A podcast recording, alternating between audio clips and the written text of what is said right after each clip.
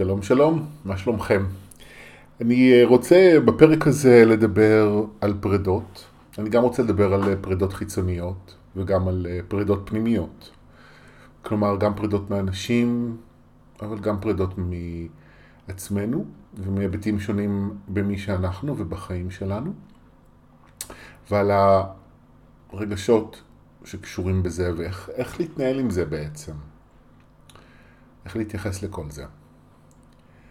אני מקליט את הפרק הזה ביום אחרי האזכרה השנתית לסבתא שלי.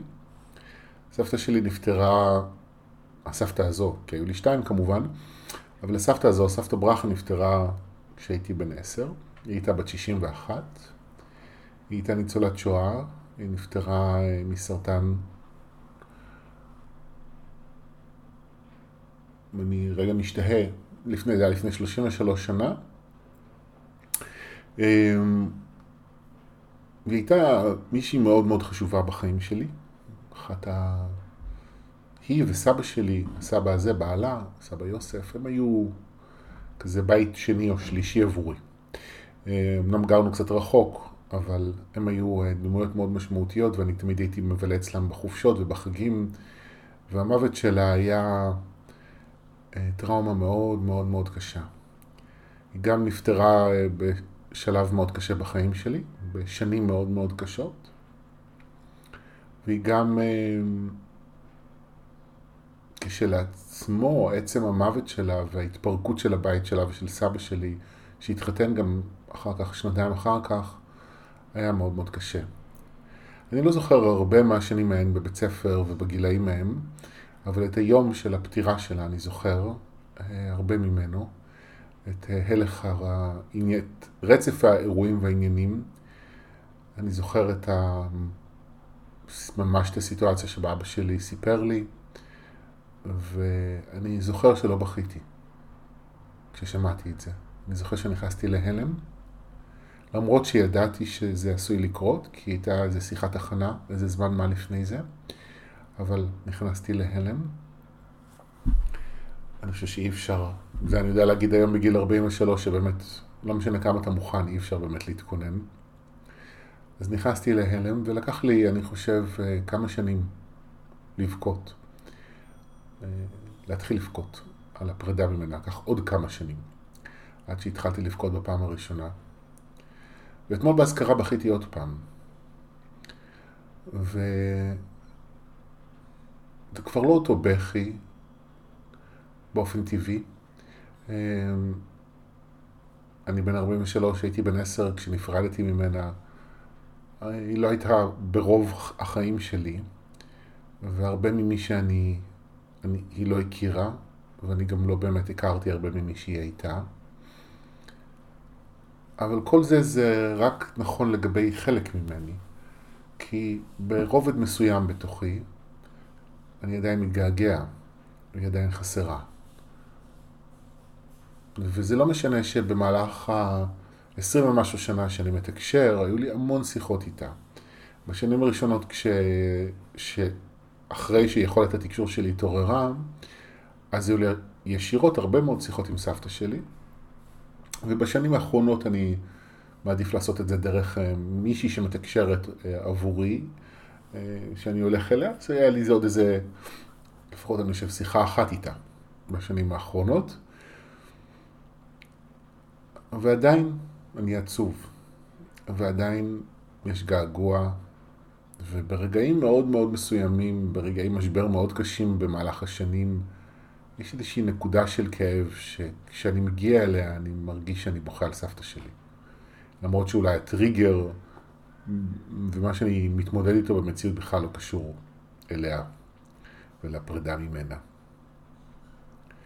אני מספר את כל זה גם, גם כדי לספר, גם כדי לתת uh, מקום לסבתא שלי, אבל גם כדי להגיד שהמשפט הזה, ומי שחבר שלי בפייסבוק אולי ראה את הפוסט שהעליתי מהבית קברות, המשפט הזה, הזמן עושה את שלו, הזמן מרפא, שטויות במיץ עגבניות.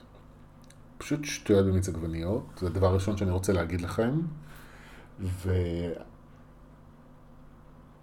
לא אומר שהחוויה הרגשית לא יכולה להשתנות עם הזמן. החוויה הרגשית שלי היא שונה מן הסתם כשהייתי בן 10 או 11 או 12 או 14,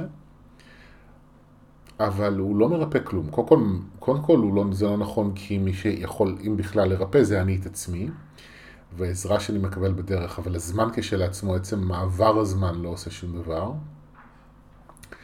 וב' לדברים האלה אין באמת היגיון וחוקים ועל עצב בלב במינון כזה או אחר נשאר ל... אני לא יודע להגיד לכם לכל החיים, אני לא יודע איך אני ארגיש בגיל 80. אבל אני מדבר בפרספקטיבה של 33 שנה אחר כך, וזה נמצא. אז כן, העבודה הרגשית שאני עושה עם עצמי במהלך השנים אמ, מאפשרת, אני חושב, לכאב להתמעט. אולי אה, אה, זה בטח עזר להלם להתפרק ולקורבנות שהייתה סביב זה, הכעס על זה. זה עזר לכל הרגשות הללו להתמוסס. אז במובן מסוים, הפרידה ממנה היא פחות טעונה כבר, כמו שהיא הייתה פעם. יש בי יותר קבלה ופחות כעס, יותר קבלה ופחות קורבנות למציאות הזו. יש לי איזושהי הבנה היום של החשיבות אה, של הפרידה הזו עבורי. זאת אומרת, למה זה החשוב עבורי שזה יקרה? במסע החיים שלי. פעם קיבלתי איזושהי תשובה בתקשור שעזרה לי לעשות סדר בעניין הזה. ו... ומכאן שהחוויה הרגשית שלי היא שונה. אבל החוויה הבסיסית בתוך המכלול הזה של הכאב או העצב, זה לא עבר לגמרי. ואני גם לא בטוח שזה יכול לעבור אי פעם. ואני מדגיש את זה שוב, אני יודע שהיא נמצאת, אני יודע שהיא בצד השני, אני יכול לתקשר איתה אם אני רוצה, אבל זה לא משנה את העובדה שהסוג הזה של החוויה של להיות הנכד שלה, זה כבר איננו.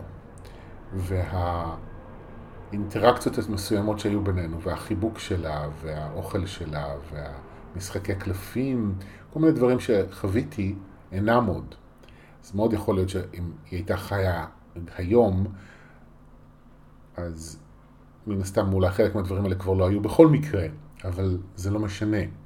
יש דברים שנגמרים, למרות שהמהות לא נגמרת, ובאמת יש המשכיות, ואני יודע שיש חיים אחרי המוות, או מה שאני קורא לו החיים אחרי החיים, אבל עדיין יש פרידה. סבתא שלי איננה, אז גם הנכד הפנימי איננו. הנכד שלה לפחות. כן, אחר כך עוד היו לי. אבל, כאילו, הייתה הסבתא הראשונה שהלכה לעולמו, והשאר הלכו שנים אחר כך. אבל הנכד של הסבתא הזו הלך יחד איתה. וזה מאוד עצוב. ואין לזה באמת חוקים. ואני רוצה להדגיש את הנקודה הזו ספציפית לא רק בהקשר של פרידה מאנשים שהלכו לעולמם, אלא גם מפרידה אה, רומנטית. אה, יש הרבה פעמים את הגישה הזו של יאללה, צא מזה, תתגבר על זה, וכו' וכו'. ואני יכול להגיד מניסיוני שאין לזה חוקים וזה לא עובד ככה, ופרידות רגשיות גם כשמדובר בפרידה שאני רוצה או פרידה שצפיתי שהיא תקרה, לוקח לה לפעמים הרבה מאוד זמן, הרבה מאוד זמן. אני חושב על החבר הראשון שלי, אנחנו היינו ביחד שמונה חודשים בערך, הייתי בן 25 כשהכרתי אותו, אבל הפרידה לקחה בערך שנתיים, מבחינה רגשית לקחה שנתיים בערך. כאילו, יותר מפי שתיים מהזמן שהיינו ביחד. אבל לא הייתה דרך אחרת. כלומר, היה רגשות שהריפוי שלהם ארך זמן עד שהגעתי לאיזושהי קבלה פנימית ושקט פנימי ביחס לעובדה שאנחנו לא ביחד. אני מצאתי את זה הרבה לאורך השנים אצל אנשים, בעבודה שלי עם אנשים, שפרידות לוקחות זמן, והזמן שזה לוקח הוא הרבה פעמים זוכה לאיזושהי אה, ביקורת, או מעצמנו או מהסביבה שלנו. כאילו, נו כבר, צריך לצאת מזה, צריך לחזור, צריך לתפקד, אה, להמשיך הלאה. ופחות אולי אומרים את זה על פרידות אה, מאנשים שהלכו לעולמם, אבל יותר על פרידות רומנטיות אני שומע את זה. וזה משקף בעיניי, או אולי ביטוי חלקי בלבד לעובדה שככה מתייחסים בחברה שלנו בכלל לרגשות.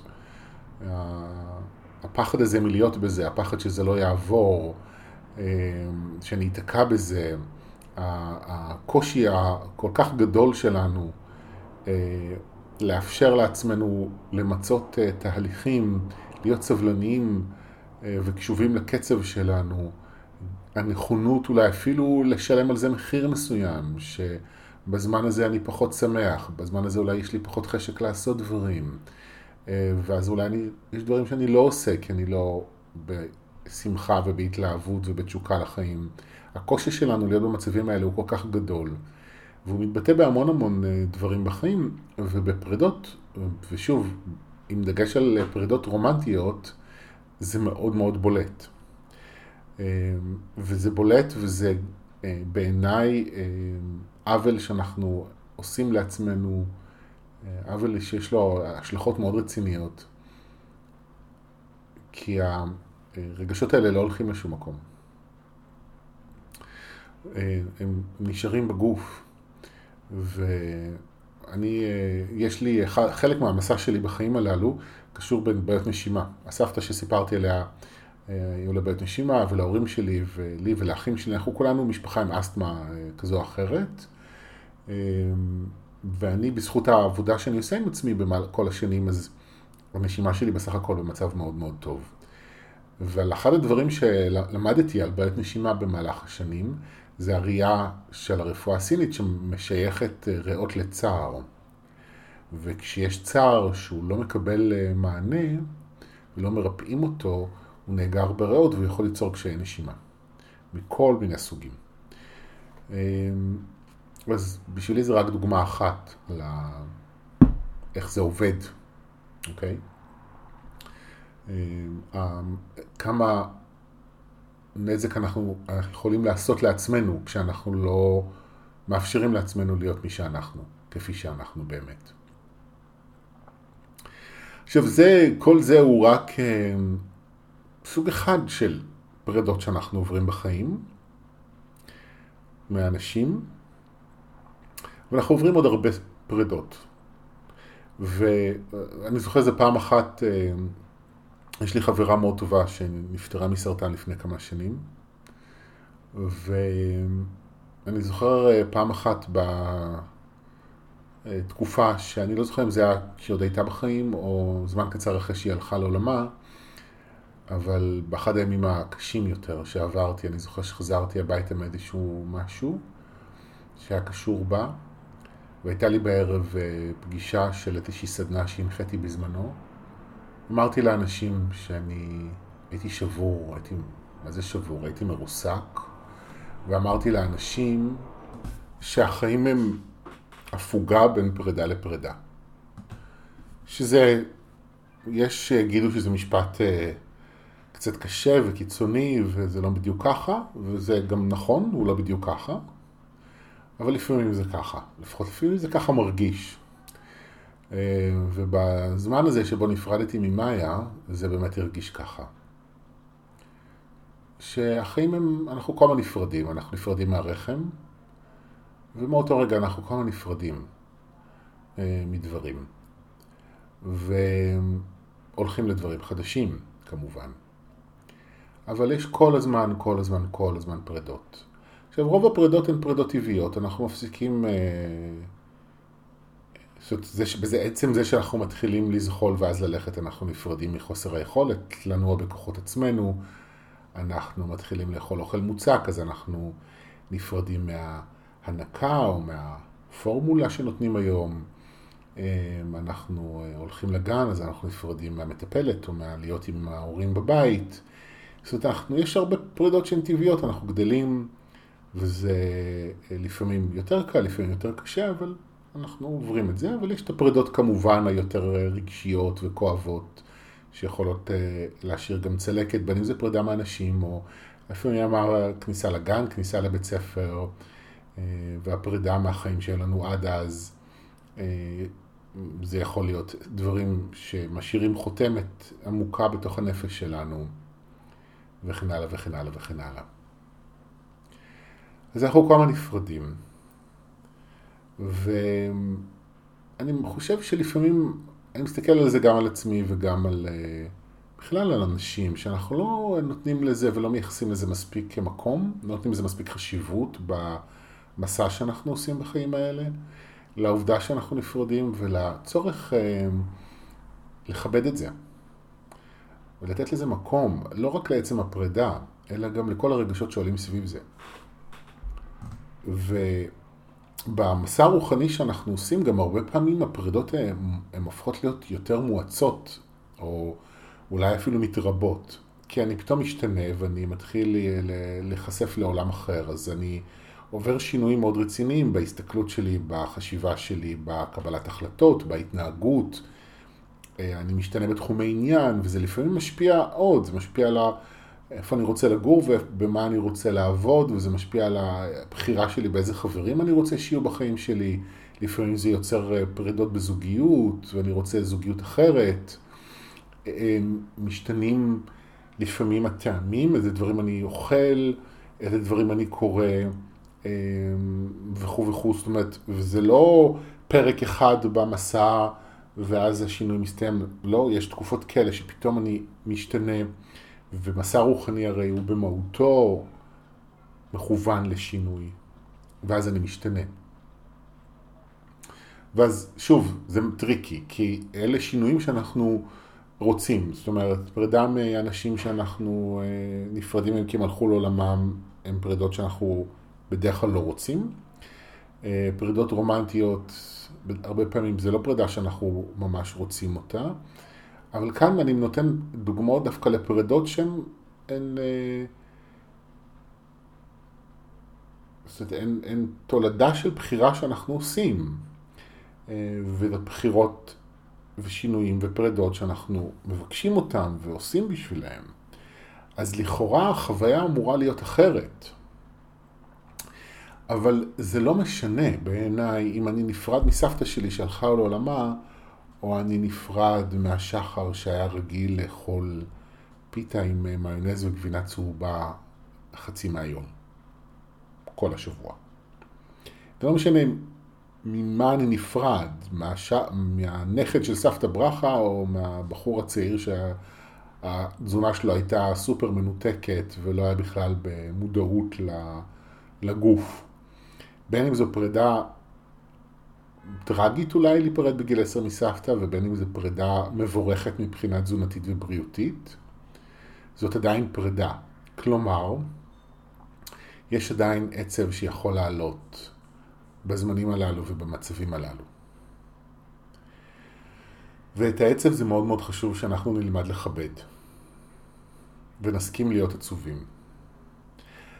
אתם יודעים, הרבה מדברים בתהליכי שינוי, ואני תורם לזה הרבה מאוד. תואר בתקשורים שאני עושה שלהם, מדברים על זה הרבה, על השינוי שאנחנו עוברים, ופרדות, ובכלל אנחנו 2019, אמנם לקראת סופה, אבל עדיין שנת ההיסטוריה החדשה לפי תואר, וכל השנה הזו מדברים בצורות כאלו ואחרות באופן מאוד אינטנסיבי על שינוי, על פרידה, פרידה מההיסטוריה, הליכה אל החדש, פרידה מההיסטוריה, הליכה אל החדש. וזה יכול להיות מאוד קשה, זה יכול להיות עצוב, זה יכול להיות מעצבן לפעמים, אמ, כי לא כל שינוי אני רוצה, ולפעמים בתהליכים האלה, בשנים הללו, אנחנו גם לפעמים נזרקים מהגדר, זאת אומרת, יש את השינויים שאני בוחר, אבל יש שינויים שנכפים עליי במידה מסוימת. פתאום אני... אה, לא יכול יותר לעבוד במה שעבדתי כי פיטרו אותי או כי משהו משתנה במקום עבודה או פתאום משהו עם הדירה, זאת אומרת, גם זה אחד המאפיינים של, ה, של הזמנים הללו, אי אפשר לשבת על הגדר, הקיץ הזה זה היה מאוד חזק, אחד המאפיינים של הקיץ האחרון, ראיתי את זה הרבה קורה, שאי אפשר יותר לשבת על הגדר, צריך לבחור לכאן או לכאן, אני לא יכול כן, לא, כן, לא, או שכן או שלא. ואם אני לא בחרתי בזה במודע מעצמי, אז המציאות זורקת אותי מהגדר, ואז אני פתאום מאבד דברים, צריך להתמודד עם החלטות, אני לא יכול יותר אה, להתמהמה. חלק מהדברים שקורים לנו בתהליכים הללו, וזה לא קל, זה יכול לעצבן לפעמים, זה יכול לעלות עצב, אה, זה, אנחנו יכולים להרגיש לפעמים מאוד קורבניים ביחס לעובדה הזו. ולכל מה שאנחנו צריכים להתמודד איתו ולהיפרד ממנו. ומה שאני בעיקר רוצה להגיד בפרק הזה, שזה בסדר, שאנחנו מרגישים ככה. וזה בסדר להיות עצובים, וזה בסדר לכעוס, וזה בסדר להתבאס ולהתקרבן ולקטר. כל זה בסדר. זה בסדר אם לוקח לי המון זמן להיפרד ממישהו שהלך לעולמו. זה בסדר אם אני בוכה על עצמי, למרות שאני סוף סוף מגשים חלום, ואני לא מבין למה אני בוכה, אבל מה אני עצוב, כי אני מקבל את מה שאני רוצה. אבל גם כשאני מקבל את מה שאני רוצה, אני צריך להיפרד. אני צריך להיפרד ממי שהייתי. גם מנדבך מסוים ביום-יום, נגיד אם הגשמתי חלום והתקבלתי לעבודה שרציתי, אז אני צריך להיפרד מהעבודה הלא מספקת שעבדתי בה, למשל, או אם אה, הגשמתי חלום ואני סוף סוף בזוגיות שאני רוצה, אז אני צריך להיפרד מהרווקות שלי. וזה לא תמיד דבר של מה בכך, וזה יכול לפעמים להעלות עצב, למרות שזה שינוי שרציתי, זה לא משנה. כלומר, כל השינויים הם יכולים לעורר רגשות, וכל השינויים הם, יש בהם אלמנט של פרידה. אני נפרד ממצבים, אני בעצם נפרד מעצמי. אמ, ואנחנו, כדאי שנכבד את זה, את ה... הקצב שלנו, את הזמן, זאת אומרת, כלומר את הזמן שלוקח לנו אה, לעבור את השינוי ברובד הרגשי, את הרגשות שעולים לנו בדרך. כי זה בסדר, אנחנו, זו זכותנו. והחיים הם לא, הם לא קלים בכלל, אוקיי? ואני רוצה גם את זה להדגיש. אני לא, אה, כאילו, אני מבין את התוכנית האלוהית. אוקיי? שנועדה ליצור איזושהי התפתחות מרובת ממדים, וחלק מרכזי מההתפתחות הזו זה מה שקורה בכדור הארץ, ונשמות בוחרות לבוא לפה, ואני מבין את זה שאנחנו בוחרים לבוא לפה כנשמות. ואני זוכר שפעם, לפני המון שנים, אמרו באיזה תקשור, מפגש תקשור שהייתי בו, אה, שנשמות עומדות בתור ומחכות לבוא לכדור הארץ. ואני מבין את כל זה. ואני לא רוצה חלילה לזלזל בזה, אבל אני כן רוצה לומר שזה לא מבטל את העובדה שהחיים פה הם חיים קשים. זה לא קל, ויש פרידות מאוד קשות שאנחנו מתמודדים איתן, אה, שמשפיעות עלינו בצורה מאוד דרמטית על החיים, כי זה שובר אמון לפעמים. אה, אני, אני אדם אה, מאוד חרדתי, או חרדתי, אני מפחד, בקיצור אני פחדן, אני אה, מפחד לאבד את האנשים שקרובים אליי. ומאז שאני זוכר את עצמי בתור נער, היו לי פחדים מאוד מאוד גדולים. ובמהלך השנים כמובן הבנתי שהמוות של סבתא שלי תרם תרומה מאוד משמעותית להתפתחות של הפחד הזה. כי חוויתי על בשרי בגיל מאוד צעיר יחסית, שאנשים מאוד קרובים אליי יכולים יום אחד לא להיות פה. וזה יצר אצלי פחד מאוד גדול אה, מלאבד עוד אנשים, שמה שכמובן מזין את הפחד הזה זה ההבנה גם שזה יקרה. כלומר, זה לא, אוקיי, במקרה ההוא זה קרה, שאר המקרים זה לא חייב לקרות. לא, ברור שזה יקרה. אז אני מפחד. זאת אומרת, לפרידות הללו מאנשים יש השפעה רצינית עלינו לפעמים. אמ, לי זה שבר אה, איזושהי תמימות אה, בסיסית שלעולם לא תחזור. בצורה שהיא הייתה. זאת אומרת, אני כן עושה עבודה ואני, בשביל לרפא את הלב, בשביל לרפא את הלב השבור. אה, והלב שלי יותר בריא מאי פעם ויותר פתוח מאי פעם. אה, אבל אני לעולם לא אחזור לחוויה שהייתה לפני שהוא נשבר בפעם הראשונה. כי יש לי את הניסיון חיים ואת המסע, ואת המסע. אז הלב יכול להחלים, אבל ההטבעה של החוויות שחוויתי לא נעלמת לגמרי. ואני גם לא חושב שצריך, אני לא... אנחנו חוזרים להתחבר עם הילד הפנימי, אבל המבוגר שעבר את כל מה שהוא עבר לא נעלם. וזה להרבה פעמים גם חלק מהקושי. אמ, להתמודד עם פרידה, זה להתמודד עם השינוי שאנחנו עוברים כתוצאה מכך. ומצאתי את עצמי אה, בשבוע, שבועיים האחרונים בפגישה עם מישהי שדיברה איתי על זה ש... על נושא של, דיברנו על נושא הזה של פרידה ממישהו מהמשפחה שלה שהיה מאוד קרוב אליה, ודיברתי איתה על ה... שמה שאני שומע אצלה זה את הפנטזיה לחזור להיות מי שהיא הייתה לפני שזה קרה, ואמרתי לה, זה לא יכול לקרות, אנחנו לא נחזור לשם, להרגשה הזו, התמימה הראשונית הזו. כי אנחנו יודעים כבר מה זה אובדן, אנחנו טעמנו את הטעם של הפרידה. ואת הטעם של הפרידה, ברגע שאתה חווה אותה בפעם הראשונה, אתה לא יכול לשכוח אותה. וזה בסדר גם. גם חלק מהדרך עבורי זה גם לקבל את מה שאני אומר כרגע, וכשאני מקבל את זה, אז גם יותר קל לי. אז אני לא אה, רואה מצב שבו אני אגיע אי פעם שיהיה לי איזשהו שקט של טוב, אנשים ילכו, לא ילכו, זה לא משנה. לא. פרידות הן עצובות, והן עצובות, ומפחיד כשהן קורות והן עצובות ומעצבנות לפעמים. ואני לא רואה את עצמי מפסיק לפחד מזה. אבל אני כן אה, רואה מה קורה לי במהלך השנים, וזה קורה בזכות העבודה שאני עושה עם עצמי, כי אני מקבל את זה.